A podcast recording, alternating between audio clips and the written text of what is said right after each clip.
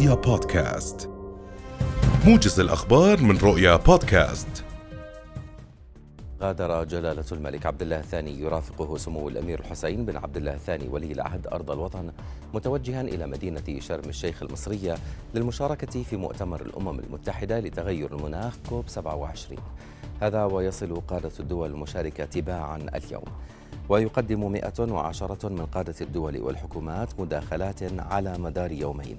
وسط مطالبات بتحقيق تعهداتهم إزاء الاحترار الاخذ بالارتفاع ودعم الدول الفقيرة الأكثر تضررا من التغير المناخي. قال مدير إدارة السير في مديرية الأمن العام العميد فراس الدويري إن أكثر من مئة ألف مركبة خضعت للفحص ضمن حملة الشتاء وأضاف الدويري لرؤية اليوم أن الحملة الشتوية تشمل جميع المركبات في المملكة مع التركيز على مركبات نقل الركاب وسيارات الشحن لما لها من أثر على شريحة كبيرة من الناس.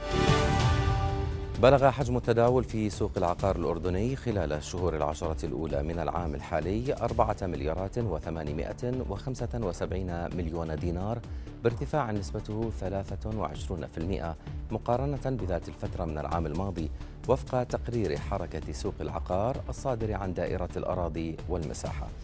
كما بلغ حجم التداول في سوق العقار في المملكة خلال تشرين الأول 552 مليون دينار بارتفاع نسبته 21% مقارنة بذات الشهر من العام الماضي وبنسبة انخفاض 1% مقارنة مع الشهر السابق. قصفت مقاتلات روسية معسكرات قرب مدينة إدلب في شمال غرب سوريا ما أسفر عن مقتل تسعة أشخاص على الأقل. وذكر شهود أن مقاتلات تحلق على ارتفاعات عالية ألقت قنابل فوق غابات قرب مخيمات مؤقتة إلى الغرب من إدلب وذلك بدعم من مدفعية الجيش السوري. ويعيش أكثر من أربعة ملايين شخص في منطقة الشمال الغربي المكتظة بالسكان الخاضعة لسيطرة المعارضة المسلحة على الحدود التركية. انقطعت المياه والكهرباء عن مدينة خيرسون في جنوب أوكرانيا فيما تعرض سد كاخوفكا لأضرار. بعد قصف تبادلت موسكو وكييف الاتهامات بشأنه.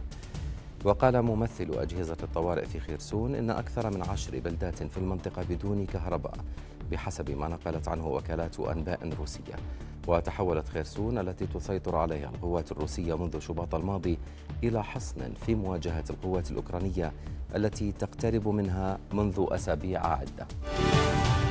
تعهدت كوريا الشمالية اليوم بالرد على التدريبات المشتركة بين الولايات المتحدة وكوريا الجنوبية بإجراءات عسكرية حازمة.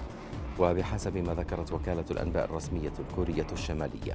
جاء هذا التحذير وسط سلسلة تجارب صاروخية أجرتها كوريا الشمالية في الأسابيع الأخيرة بما في ذلك أربعة صواريخ باليستية أطلقتها يوم السبت بعد أيام على اختتام الولايات المتحدة وكوريا الجنوبية أكبر تدريبات على الإطلاق للقوات الجوية.